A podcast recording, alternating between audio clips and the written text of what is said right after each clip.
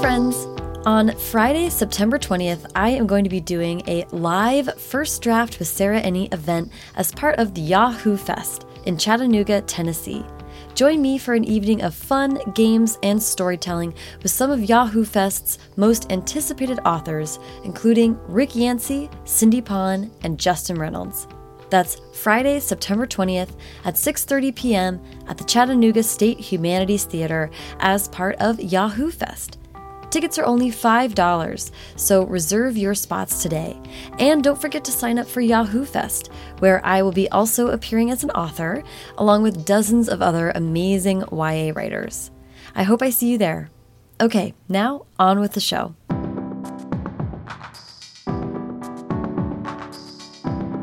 Welcome to First Draft with me, Sarah Enni.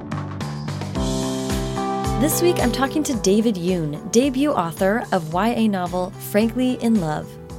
I really responded to what David had to say about how writing a rom com turned into writing about his greatest fears, portraying aspirational male friendships, and working hard to be able to write from a place of unconditional love. So please sit back, relax, and enjoy the conversation. I like to start at the very beginning, which is where were you born and raised? I was born in Dallas, Texas. Really? And then we lived there for about three months. Mm-hmm. And then we moved to Los Angeles. So, yeah, I don't remember anything. I think, yeah, no, that's impossible. I don't remember anything. Yeah. Are you an older sibling or a younger sibling? I'm the youngest of two. Youngest of two, okay. Yeah.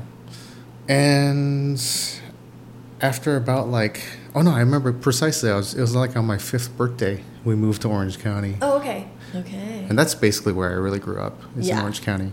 Okay, and we'll get into Orange County a little bit more later, talking about Frankly, but um, how was reading and writing a part of growing up for you?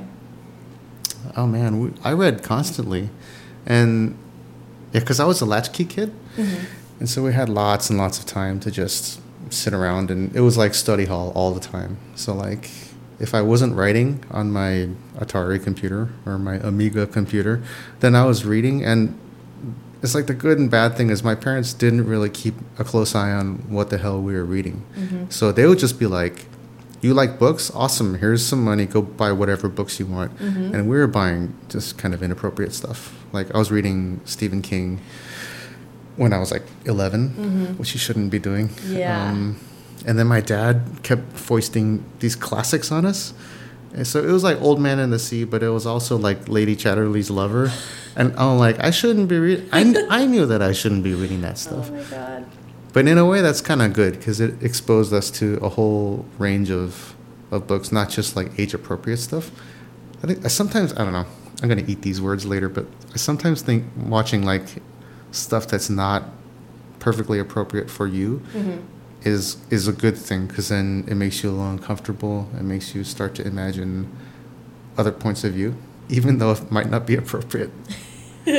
I I think it's very common, like a commonality across all these interviews I've done with people, to have people read above their their comfort level or their experience level or their certainly their age group. Mm-hmm. So I I think that might be some there's some, might be something to that. That's true, isn't it? Yeah. Mm-hmm. Like Nikki, my wife Nicola Yoon, she found a stash of like Harlequins under her bed yeah. because she was sleeping like in her aunt's house or something, and it's totally not appropriate. But you can't. I mean, it's hard to to argue that they didn't have an influence on her sense of like romance and you Totally. know, yeah. So and very like and very i think what it does is open your sense like reading is at its best when it's exposing you to new things right I think so. Yeah. so just reading about stuff that's incredibly familiar to you or really fantastical stuff or whatever doesn't cover all of what reading can offer you so Yeah. when you come across these like bumps in the road it's like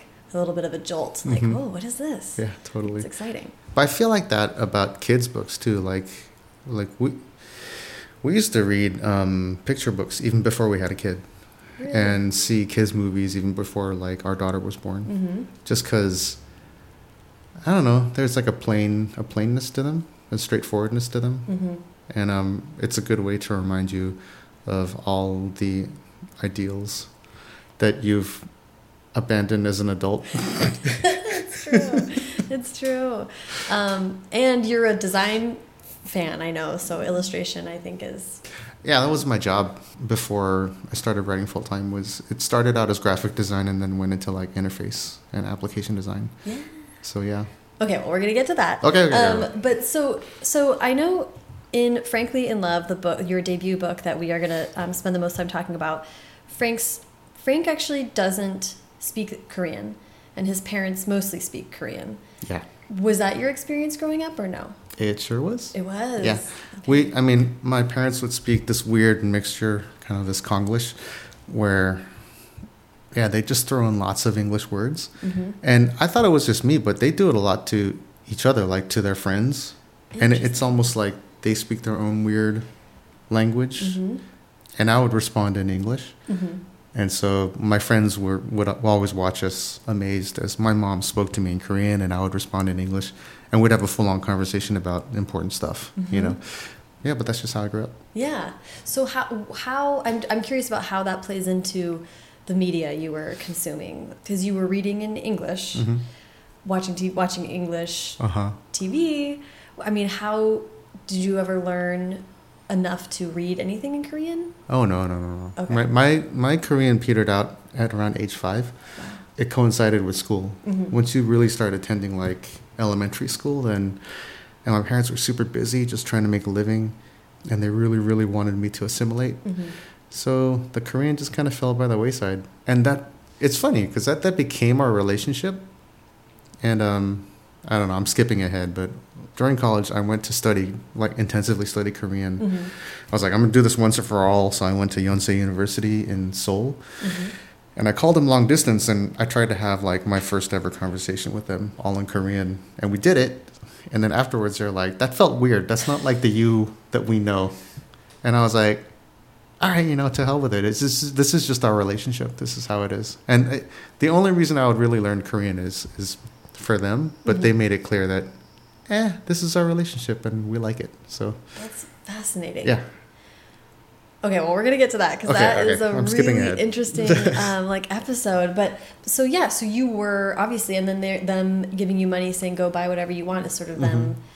That's a bit of an aggressive push to assimilate and, and kind of carve out your own space and Yeah, that's from their. I mean, it's pretty typical, like Asian parent desire to study Mhm. and become like well, being well read is part of studying. Mhm. So I mean, I didn't consume a lot of like of a lot of Korean media. I didn't know any Korean pop songs or like or shows or any any of that stuff. Yeah, so it it's kind of weird. That habit still stuck to it sticks to this day. Like I don't outside of BTS, I don't know any K-pop, and like and I don't really watch any K K dramas except when I'm at my mom's house. Nikki's actually a bigger fan than I am, so they are sweeping the nation right now. So it's so funny. I never thought that would happen. that's so interesting. How was was drawing or writing a part of? Yeah, Your yeah. adolescence? I mean, yeah, because we were latchkey kids, like, and because it was study hall all the time, that's all we did. And my brother, he's like the super artistic one. He went to art school and everything, and so he would draw stuff, and then I would just copy whatever he drew. That's perfect. And then pretty soon we we went, we started going our own separate ways. But like, yeah, we'd spend hours drawing and and reading and writing little stories and making stuff out of paper. And then when we got our first computer, we'd spend hours learning how to program. And really, the the only thing we wanted to make was games. And so we'd spend hours like trying to make our own games. that's so cool. Yeah. Um, man, I'm I'm envious of that. I wish that I had, I wish I knew programming, like had learned that language. We didn't we just taught ourselves. I mean, we didn't know we didn't have any help. Mhm. And so like our code was terrible, but the games worked. And I don't know, it was it was like I say study hall cuz it was all the stuff that you can do quietly indoors. Mhm. Read, write, program, draw. We played a lot of piano cuz that's what you do when you're Korean American is you learn piano. yeah, all that stuff. That's very creative. It sounds like you're you and your brother created that environment for each other. Yeah, I guess we did. I mean, our parents were so busy working at the store that it's not like they were sitting around guiding us, so we just kind of guided ourselves. Yeah, I like that though. It's um, obviously has paid off. Living a creative life now. I guess, yeah. I'm pretty happy about it. So let- let's go through the the studying. So you know you want to go to college. What did you choose to study after? I've I've always been an English person. Like in pretty much since like third grade or first grade actually. I've always liked writing. Mm-hmm. Like I wrote a poem for a creative writing contest in first grade and I won a medal and my mom loved it. And then Yeah. third grade is like my first dumb short story, but it got a laugh out of the classroom. So I was like, I like this. And English teachers in high school were my favorite teachers, and I majored in English at Berkeley and had to get my MFA. Like I just, I don't know. It's always, I've always known it. That might come from my dad because my dad, he grew up in the sticks in Korea, but he was obsessed with literature, English literature. Really? Well, yeah. You said he brought you the classics. he's a weird guy. Like he he read like Francis Bacon and Immanuel Kant, and he would read Byron and a lot of Victorian poetry. That was actually his focus in in, co- in college. Wow. Yeah, he's a weird guy, and he he studied library science in grad school. Okay. So Did he? How old were your parents when they moved to the U.S.? 30, 30 I think. Yeah, Was he studying English in Korea or when he moved? in Korea. Yeah, Okay. Wow. yeah. That's fascinating. That I think that was like his escape because he he grew up super poor, and like one of twelve kids or something like that. So Wow. that was his escape. Yeah. Yeah. So not you were studying English, but it sounds like you were also like very serious about creative writing at the same time. Yeah, yeah. I I don't know why. I maybe it was that story in third grade Mm-hmm. because I got that reaction. It's interesting. I got that reaction. Everyone loved it, and then I wrote my follow up story, Mm-hmm. and it sucked, and everyone hated it. and I realized that in the story, I was making fun of one of my friends. It was kind of mean too. Yeah, I learned a lot. It was like, okay, if your story is mean spirited, it's no one's gonna like it. So, That's interesting. and so I, I was like, I, I just kept wanting to get back to getting that laugh, you know, from that the classroom. Yeah. Yeah, that's it's always interesting to get to the root of I think we all have different kinds of stories we want to tell Mhm. and different reasons for finding that interesting because we were just talking about Veep too before we started and that's sort of people who find total delight in diving into some of the most mean-spirited Oh parts God. of humanity but they do it so well. But it's so good. it's so good. So I want I want to talk about that period of time in your life, studying, getting your MFA. When what does the when does the year in Korea factor into that? It was it was just the summer in Korea. Oh, okay. Um, that was like senior year of college, Okay. and then I got into something called the JET program after college. It's where you go to Japan and you teach English or you translate. Yeah. So I did that for like three years, and it was awesome. Um, and I could have stayed there. Few of my friends did, but I was like, I need to get my MFA. I'm not going to get my MFA in Japan. I guess it was one of those things where if you have something that you love doing and you don't pursue it, Mm-hmm. then you'll always regret it. Um, I saw that happen with my mom. She Mm. was really passionate about chemistry. And, you know, just she had kids, they were starting a business, things got busy, and she never got to finish her chemistry degree. And she always regretted that. And I think that really stuck with me. Yeah. So it was super important, like to not let go of writing. And so you could say that I traded living in Japan, which is awesome. Every day was awesome for moving to Boston, where it's mm-hmm. really cold, and like and writing all the time. Yeah. Yeah. Um, I love that you were very like focused on that. Um, what kinds of things were you writing at that time? What kinds of like going into? I think it was Emerson that you went to Uh huh. for MFA. Yeah. When you got in, what kinds of stuff were was in your sample? What did you want to pursue? Oh my god. It's weird. It's like when I was in my first writing workshop, I was busy channeling Haruki Murakami. Ah. and Nicola was busy channeling Ann Beattie. So I was doing kind of like magical realism, but really wry, dry stuff, and and Nikki was doing a lot of like ensemble, super emotionally smart, like set pieces. And yeah, so that's what I was channeling. But I would, I would always sort of vacillate between the surreal stuff and then the really hard, realistic contemporary stuff Mm. but never Never genre for some reason. I never wrote genre. Yeah. Interesting. But magical realism, which is its own kind of It's kind of like it, it's like everything's normal and it's present day, but you know you can turn into a cat right, or something like that. Yeah. You know. which is beautifully done in a lot of Japanese art. I feel Yeah. yeah. like very, they're really good at that. Yeah, I know Japan had a huge effect on me, but I'm not exactly sure how. I've never bothered to articulate it. Well, it will show itself over time as you keep writing more books. I'm yeah, sure. probably. So, was your writing geared towards adults at that time? I wasn't thinking about audience at all. I mean, that's the one knock against the MFA that I have is it's it's really focused on the writing itself Mhm. and not the business of writing. Mhm. Um, and so I wasn't aware of any of that stuff. I didn't even know that different genres had different page counts oh, interesting. until much later. You know, much much later. There, it was mostly like just just write a good story, and Right. an audience will find you, which can be true, but it's better if you sort of know you're a little more focused in in who you're targeting. Yeah. There's a, I'm coming up against this in a lot of disparate parts of my life right now. This cuz I was definitely I think taught this as a kid like put your head down, work hard, Uh huh. and people are going to you you will earn the praise. People will see it. People will like discover you. And honestly, right now I'm at a point of trying to f- seek out sponsors for the podcast. Oh yeah, yeah. And uh, nobody's gonna just find you out. You know, no one's like sifting through iTunes and is just like, well, this podcast seems to have a decent following. Like, I'll write a check. Yeah, you have to. Um, so it's this other muscle that like that I wasn't taught really as a growing up as a kid, and that I'm having to develop and be like, no, it's you got to sell yourself and get in the mix and be brave and put yourself out there. Oh god, it's so hard. I'm I'm like I admire you for doing that. Because I would be I would be the guy who just sort of makes a podcast and lets it languish and you know We'll see how it goes. I Like- mean, I'm. yeah.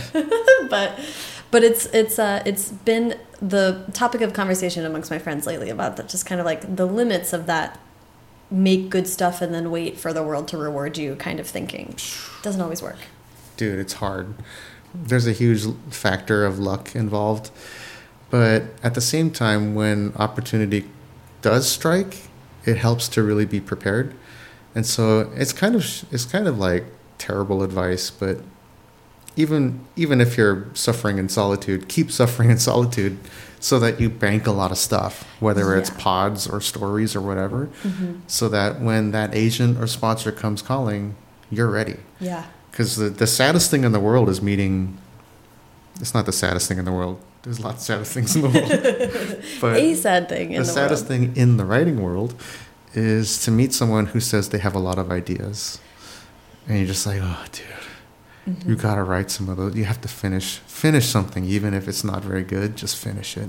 yeah yes well and and we'll, we'll talk more about this because i know you have a bunch of books under your belt because that's how it came that's how it happened for me too is once Mhm. i got the opportunity to write tell me everything i was like oh and guess what i have five other books Yeah, that are sitting on a hard drive that are ready to be looked at and reworked Yeah, totally. and that but felt like i was in a much more powerful position And also just the, the fact that you you made it through five books makes you pave the way for Tell Me Everything. Mhm, you know, which is like highly polished and so well written that like thank you you know what I mean? yeah. if, if that had been your first book, unless you're like some kind of genius, which Right. who knows, you might be. Um, some some people are like 19 to write amazing well crafted brilliant books but that isn't often the case. I'm case wrinkling my nose at them. Those prodigies. Yeah, I know. They're they're so rare. Okay, let's talk about uh, so. And then obviously you're at Emerson, and as you said, studying with Nicola. Uh-huh. So you guys met. Uh, were you in the same year of that writing program? I We're in our first workshop together. That's amazing. Yeah, that was awesome. that, that whole crew, like Wendy Wonder, there's Gregg Rosenblum who wrote this sci-fi trilogy, um, and Nathan Chernyshek, who was my roommate, and he's got a mid-grade coming out. It's called The Hidden Seek. It's like based on the game of hide and seek. It's super good. And then Nikki and me, we that was that was the crew. We hung out all the time Mm-hmm. if you can, go to an MFA because you're gonna wind up like hanging out with these people, drinking with these people, staying up late, getting stupid, and that is like the writerly camaraderie Yeah. that mitigates the soul crushing solitude of working in your room by yourself. yeah, I mean, and I would say like when I moved to LA about five years ago, was when I was like, oh, like there's so many people here Oh, yeah, yeah. that are providing that Yeah. kind of similar. Like you can get together and talk about story and what matters, and then you can also just be like, writing is hard. Mm-hmm. yeah. And they'll be like, I understand. yeah. And um, yeah, so LA is a great, such a killer scene. Um, there's, it's like that's like an MFA program by itself. Just move to LA. Yeah, there you Um, go. yeah. Other option. They're Totally. both both expensive options. oh God. Do it if you can afford it.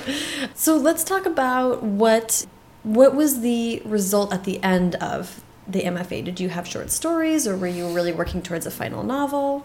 By the end of the MFA, all of us were scared to death of the idea of writing a novel. It is just like so. It's so big. It takes so long, you know, and it's so much easier to write short stories. So all of us wound up with a thesis, a bound thesis book of short stories. Um, so slowly after the MFA, I started to dabble in longer works like feature scripts Hmm. and kind of like longer short stories that got longer and longer and then turned into novellas and you know It's a Um, nice way to work up to a novel. yeah yeah um, and and now I'm I'm losing a little bit of track actually between graduating from Emerson. I forget uh, how long it was until you guys moved to LA. How did that whole process go? so after we graduated emerson then we were just in boston Mm-hmm. and I, I got a pretty awesome job doing web design which eventually became user experience design but we were happy we had a place we were living in boston we had lots of friends writing was hard nikki was making you know really good money in finance working Yeah. for the devil I can't like it's so funny to always remember that Nikki was working in finance, like Oh high powered, long hours finance. I never understood her job. She tried to explain it to me. And I was like, tell it to me in layman's terms. And she's like, there are no layman's terms. yeah. And we did that for like 10 years. hmm I mean, a job landed in my lap in Los Angeles. So we moved out of Boston and we were back in Southern California, which is cool. But even then, we, we, we worked our jobs for pff, good five, six, seven years before anything really happened. And all this time, were you still finding time to write? hmm Yeah. Yep. Uh, this whole time I've been getting up at four for a long time, just working on. I wrote a few scripts and then I made a game because I really wanted to program a game and see what that was like. So I taught myself like object oriented programming. Cool. And I had this crazy photo blog called Narrow Streets Los Angeles. It was it was this weird. I was in denial that I was living in LA.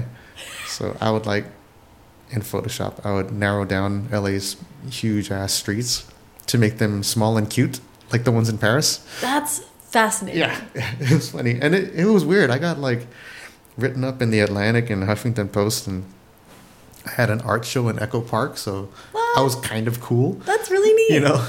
And I, ga- I gave a talk at LACC. Yeah, it's Wow. it, it wound up being funny. So I was doing like all this crazy stuff like that, and um, working on stories. Nikki was like, "You need to write a novel," Mm. and I never did. I was Mm. like, "Uh, uh nope, nope, nope, too scary." What do you think was behind the fear? Okay, when I was at Emerson, I took this great personal essay class, Mm-hmm. how to write the personal essay, and it started out everyone's writing kind of light, stupid pieces Mm-hmm. about the foods they used to eat and that one person from that school and the clothes we used to wear and it was all really dumb and our teacher was like just stomped his foot and he's like you guys need to up your game write about the thing you are scared about the most Mm. and i wrote about my dad and it was it was killer it was i came up with some great stuff and everyone did and I was like, if if you're gonna write a novel that's worth reading, it has to be along the same lines. It has Mm. there has to be something at stake. You have to sort of get your greatest fears in there, otherwise, it'll be it'll be fun, but it won't be great. And I think that scared the crap out of me. Yeah. you know, Yeah. I mean, that's that's so interesting because then, of course, Frankly in Love, which we'll get to in just a second, is feels like it's so personal. yeah, it got personal, sort of outside my control. Mm. Um, yeah, because Do you want to talk about that? No, yeah, Oh, I mean, okay. yeah, go for it. Because it, I mean, it starts out as a a really light rom com sort of fake dating story, Mm-hmm. and I was like writing it, and it, that was that was based on my own upbringing, where like my parents were like, you can date anyone you want as long as they're Korean, and so as a consequence, you know, I had to hide my entire love life, Mm-hmm. like all two of my girlfriends, from my parents, and it's, that's a weird thing to do as a kid, to hide something that big Mhm. from people that important. Mm-hmm. Other kids were like having dinner with their girlfriends and introducing them to their parents and Mhm. stuff, and not me. Mm. So that was the impetus for this whole fake dating scheme where the main character kind of teams up with a girl who's in the same boat, Mhm. same strict parents, and they pretend to date each other so that they can do whatever they want behind their parents' backs. Mhm. So, you know, super light, fun rom com.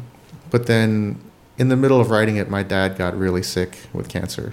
And Nikki's mom also, we thought her cancer was done, but it came back, Mm. like with a vengeance. And so we're all freaking out. And we're suddenly seeing our parents as these mortal individuals, you know, with vulnerabilities, but also sort of personal ambitions. And they had hopes and dreams when they moved to this country. And we're like, oh my God, we are the embodiment of their hopes and dreams. What? And our own daughter is the embodiment of our hopes and dreams. And, you know, when you realize that sort of continuum, Mhm. That multi generational continuum, then I don't know. Suddenly, that fake dating thing um, took on a seriousness. Mm.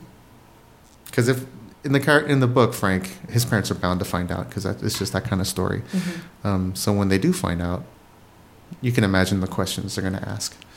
Sort of like, why were you hiding from us? What were you so ashamed of? And Frank might ask, what the hell did you expect moving to this country? Who the hell do you think you are to tell me what I should be, et cetera, et cetera. So all that stuff kind of like leads to it's like a it's like a a bomb that blows up the family Mhm. and exposes all of its inner workings, you know. Mhm. And so yeah, that it it quickly turned from being a rom com to being a book about my greatest fears, you know. And yeah, it just worked out that way.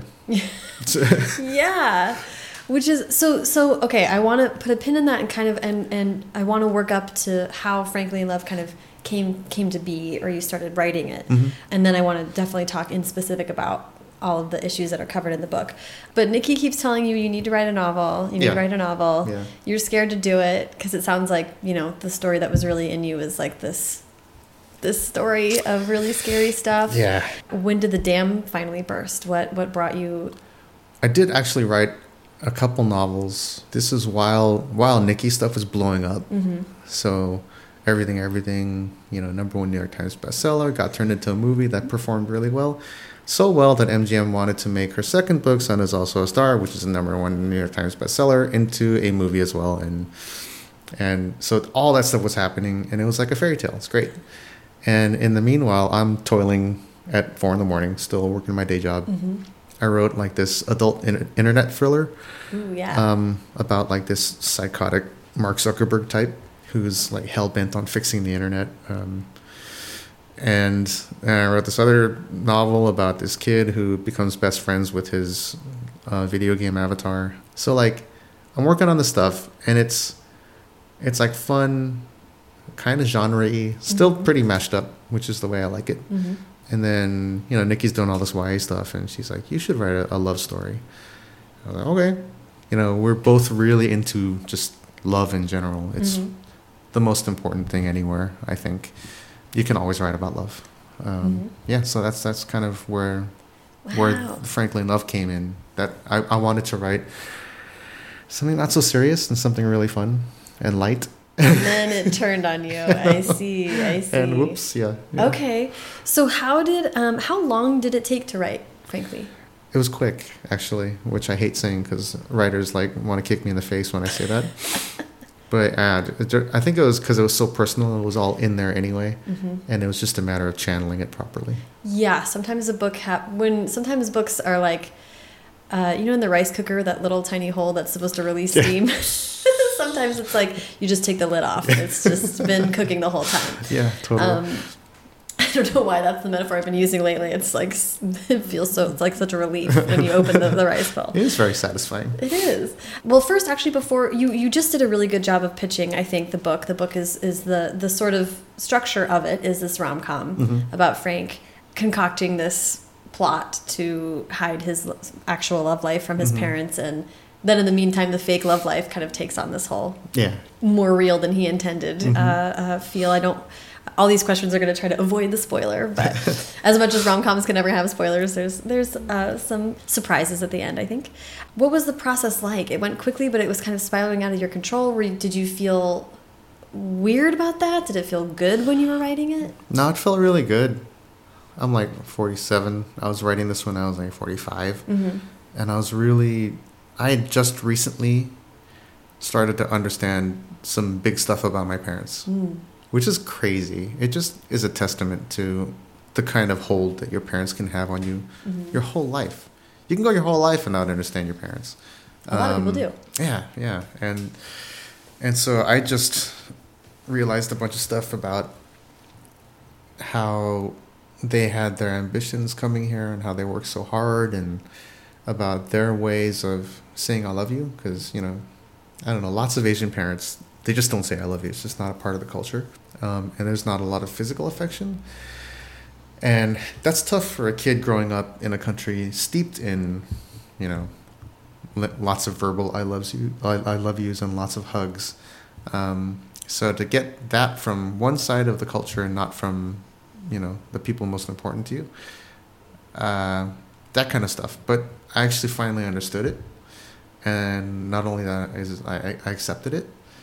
And that was really exciting for me because all this baggage I had with my parents like wishing they were more Americanized and you know wishing they were wishing they didn't work so hard um, stuff like that just letting go a lot of that and understanding why they were the way they were Mm-hmm. and understanding that it all came from a really good place um, like the best place possible Mm. um, and then accepting that that was really exciting for me i'd i'd finally stopped like being annoyed with my parents you know Yeah. Was that was that the result of good conversations?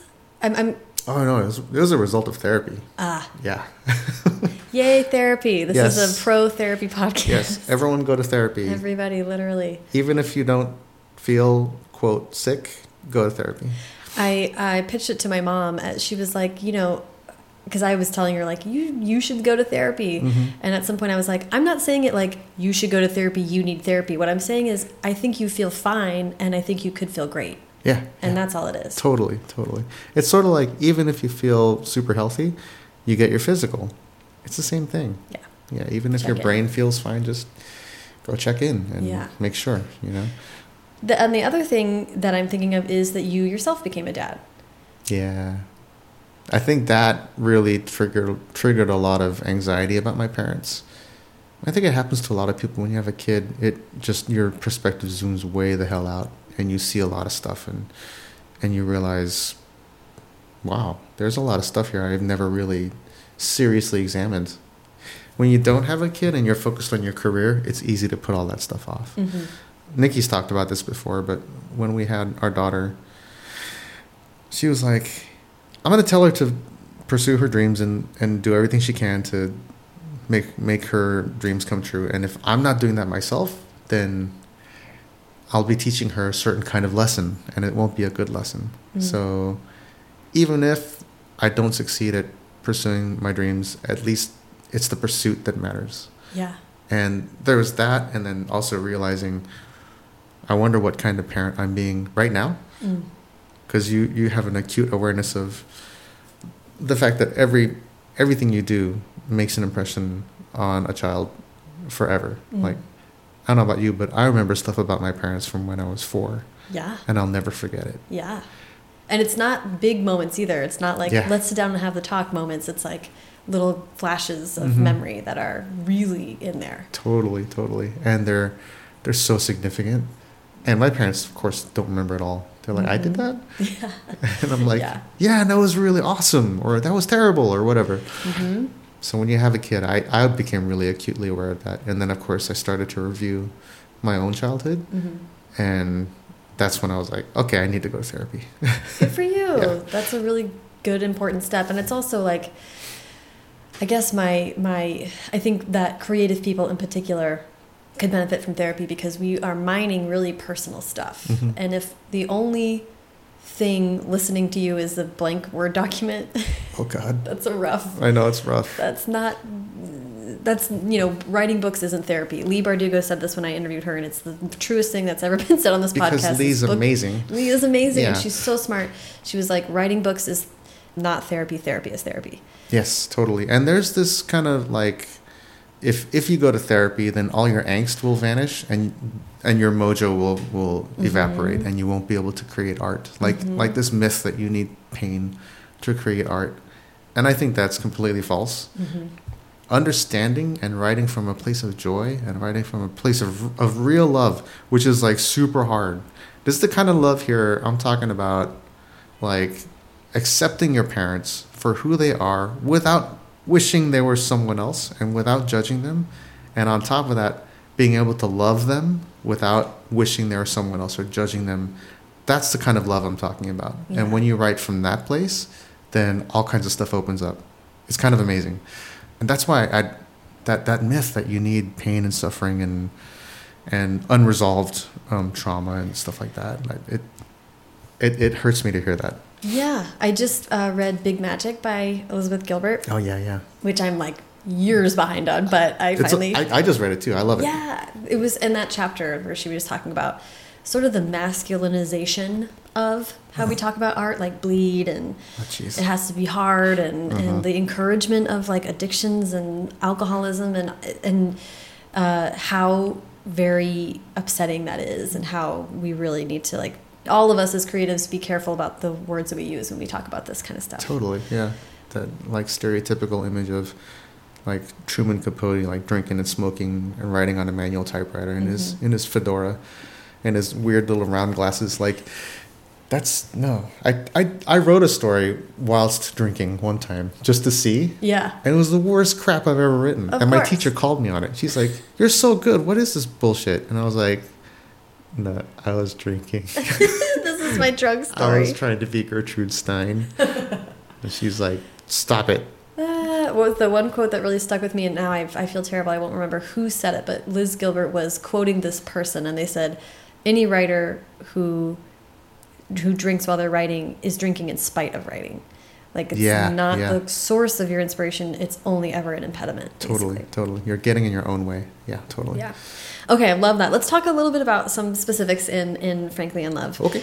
You know, we, we talked so much about this. This is a, a great segue for your parents and your experience with your parents, and really delving in in this story. I mean, it's a beautiful book because it really is so family oriented. Ah, thank you. Yeah, it's like fr and friends too. It's like about every relationship in in Frank's life and his kind of reevaluating them almost all at the same time, um, which is how it often happens. Yeah. So, so do you mind talking about the you you already mentioned it with reference to your own life of the store, which I Uh-huh. loved, and also Limbo. Do you mind explaining that oh, kind of? yeah, yeah. Being the store is, it's so interesting. You see it in in like so many immigrant communities where I've met cab drivers who used to be bank managers and and doctors, and they come here because they want a better life, but their credentials just don't work here sometimes.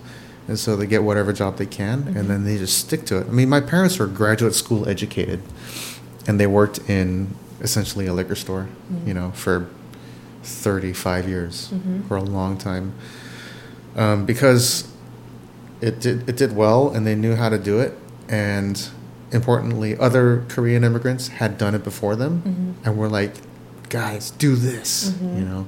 And that's why every immigrant community, like the Greeks get the diners, Right. the Koreans get the liquor stores, the Chinese get the laundromats, because it worked before them. And there's other factors too, but mostly it's precedence. Well, and you talk in in Frankly in Love, you talk about Frank's parents got their store from another Korean couple, Yeah, yeah. and there was no. It was just like kind of a handshake, Mhm. like passing it off. Yeah. Which and that- fascinating. that didn't specifically happen to my parents, but it has happened like car washes and other types of businesses. Mm-hmm. But yeah, as as a consequence, it's like there's two communities that you're in. You're in the very Korean community of those immigrants who came to America mm-hmm. and made it big, and, and it's a huge deal. Like if you went to another country and you met up with a bunch of other Americans and you all started doing well, you can bet all of you would hang out constantly and gossip and exchange tips and tricks and mm-hmm. Stuff like that. And meanwhile, your kids would be in school, whatever, learning Tagalog. Your Tagalog would totally suck. they would be able to speak both languages, maybe if they're lucky, um, but mostly Tagalog. And so that creates this huge gap. And the kids, and my, you know myself included, you start to live in that gap. Yeah. And I always pictured it as two planets. And if you find, there's a name for it. There's a really cool name for it. It was in an early version of this book, but there's a point in between planets where the gravitational forces are in equilibrium. Yeah, that like Yeah. And so you just kind of float there. Mm. That's sort of how I grew up. Is sometimes you get pulled and orbit one planet, and then you get pulled and orbit the other planet, and sometimes you are stuck right in between. That's so interesting. And what's almost more interesting to me about the description was in limbo. Well, I'd, I'd love to just have you set the stage here. They were talking about gatherings Uh-huh. and then the kids that are together in limbo. Yeah. And their like very unique relationship to each other was fascinating. Yeah, I mean, my my parents and their friends would all get together, like, and that made sense because they were all excited. They, what business did you start? You know, what's the best restaurant? How do you do this insurance thing? Mm. Who's your tax person? Like tr- trading intel, and they lived all over Southern California, so we would meet at someone's house. And since the kids were in different school districts, we'd be like, "Hey," and we'd we'd have these gatherings it was like every two months or something. We'd see each other and be like, "Hey, didn't really know each other, but we're also had a common a bond mm-hmm. because of our parents and just our upbringing and stuff." And so we'd hang out, and then we'd never see him again for like two, four months, and then we'd see him again for Christmas or whatever. It was a strange relationship in this strange little bubble. So Um, yeah, so interesting to think about connecting so deeply to like the lived experience of other people, but it isn't like the kinds of friendships you're pursuing or like Yeah, totally. Because in that, in those weird limbo bubbles during the gatherings, Mhm. the gatherings being when our parents would get together, we didn't realize it, but we had a deep connection. Like it was in all the stuff that we didn't have to explain to each other. Mhm. We didn't have to explain a lot of things.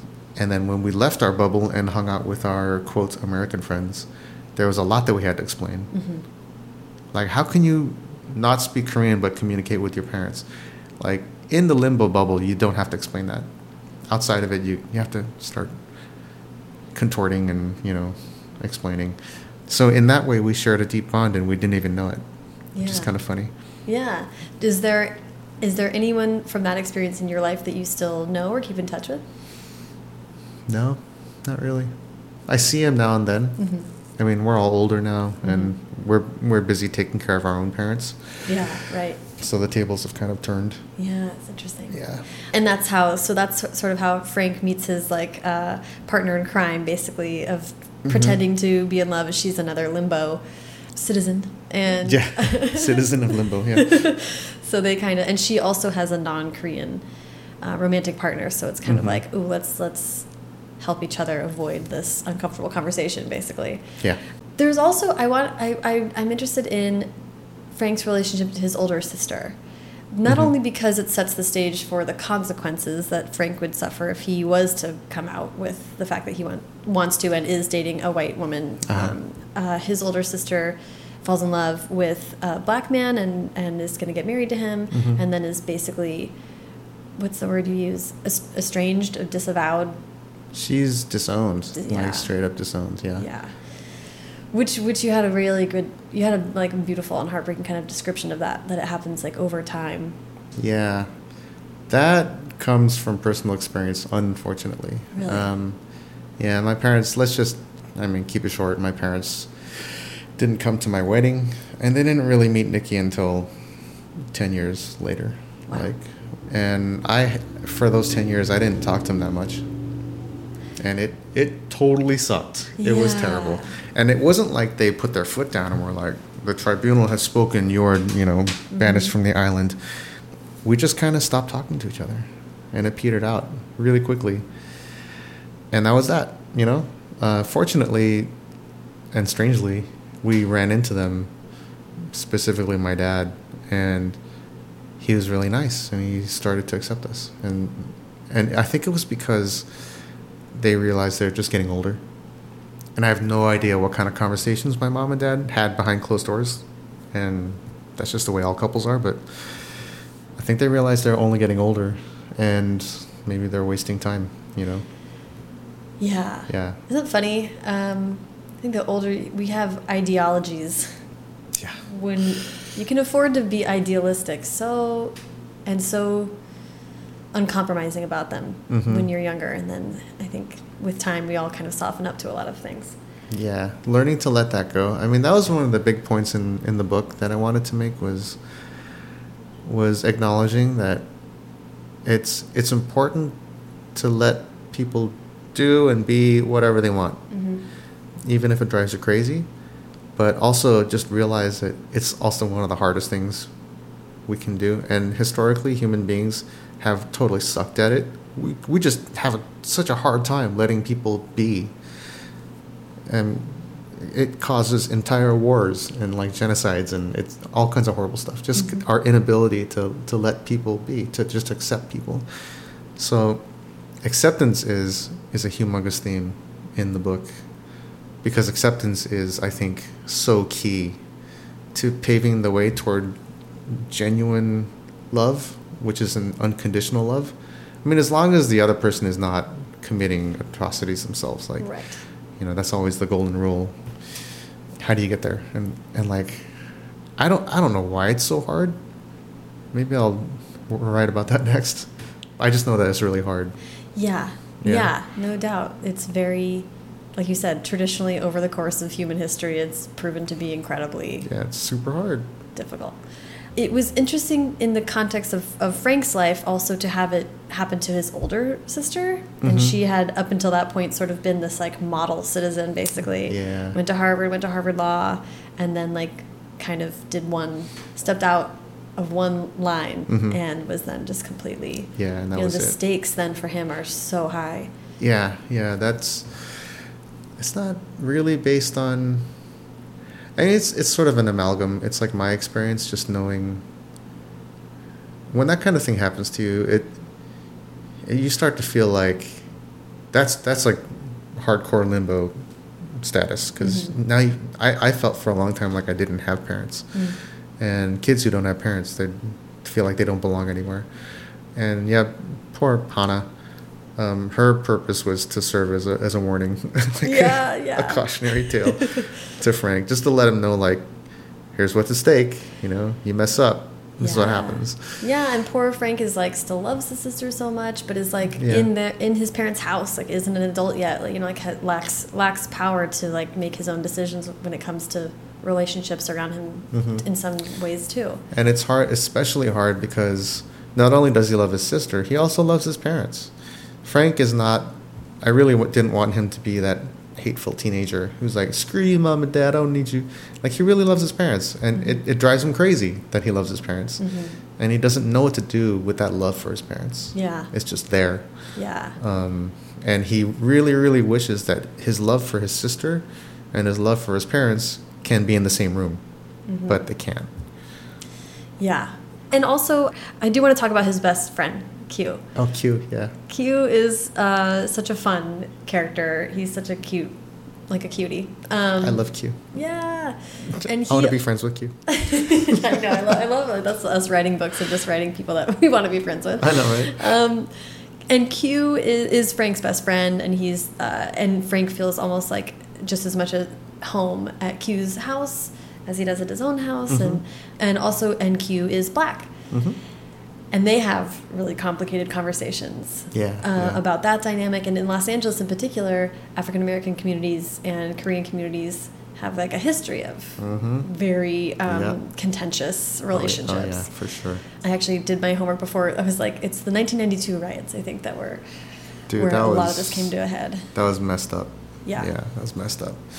Um, and they've had an especially, I don't know, African American community and the Korean American community, they're much closer than either of them realize. Like, there is that point in Nikki's book, The Sun is Also a Star, about black hair care. One, there's a store called Black Hair Care, and it sells black hair care. and it's run by Koreans because there's a whole history of Koreans dominating the black hair care market over time. And so they're close in that way. All of K-pop owes absolutely everything to R&B and hip hop and rap. Absolutely everything. So Koreans are so guilty in that old thing of like taking the culture but rejecting the people hmm. that created the culture. More so than than like Japan or China. You know, they have their own kind of pop sensibility, but Korean pop is is absolutely black music. And so that was a big reason why I wanted Q to be black. And also I I don't know, I just really wanted to have two two male friends who really loved each other and were not afraid to express that. Yeah. Um, I, I was listening to some podcasts where they're interviewing it's like 14 year old boys and they were all sad there was a sadness to all of them they're like yeah when i was 10 i used to hug my, my friend my guy friend and we used to like talk about stuff like really deep stuff. And we used to like kind of hold each other and hold hands and stuff. And then we grew out of it and now I feel really lonely and it's it's heartbreaking to hear that kind of thing. Yeah. so I was like, I really wanted to write something aspirational where these two guys, you know, there's one scene where they're like in a in a couch together, and they're counting each other's toes, and they're just friends that, who just love each other a lot. you Yeah. know. That's kind of like why I wanted to make sure that the families were in the book because I've I've read a lot of YA stories where the parents are conveniently dead. I get it. It's easier to write. It's more focused. It Mhm. lets the story focus more on the main character. But I really wanted to see the parents like like when I watched Frozen for the first time, I was like, I want to know what the deal is with the parents. Where did they go in that boat that crashed and killed them? You know? Yeah, yeah. you know what I mean? Yeah, there's a lot of untold stories. Yeah. So that's that's why it was really important for me to have the families and friends be really present in the book. Yeah. Yeah, I think that that was very real and it also made it feel feel very really Southern Californian in like so many ways. The hanging hanging out at the mall, that's where all the stores are closed, all that stuff was very like um, I could feel the Orange County of it all. Yeah. that's what we did. Yeah. Bored teenagers. Love it.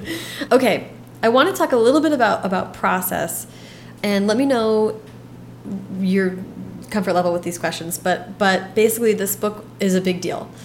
Uh, it was announced in a big way. It's a well. It's, this is what I want to talk about. I So know.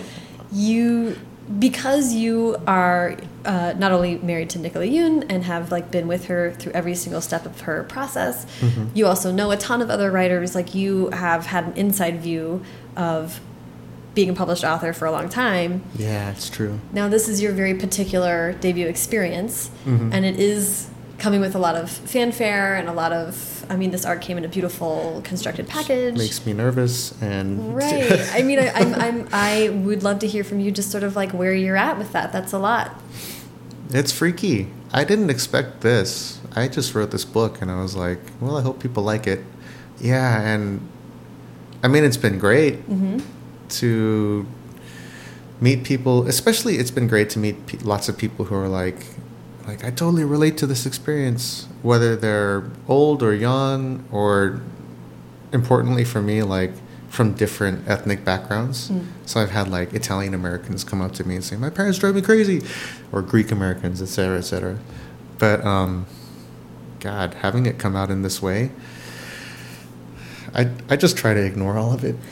yeah. You know what I mean? That's- It, yeah, I try to ignore Twitter Mhm. and Instagram, and I try to ignore the news. hmm My favorite thing is just hanging out with Nikki and talking about stories in general, but not about like the scene, you know. Mhm.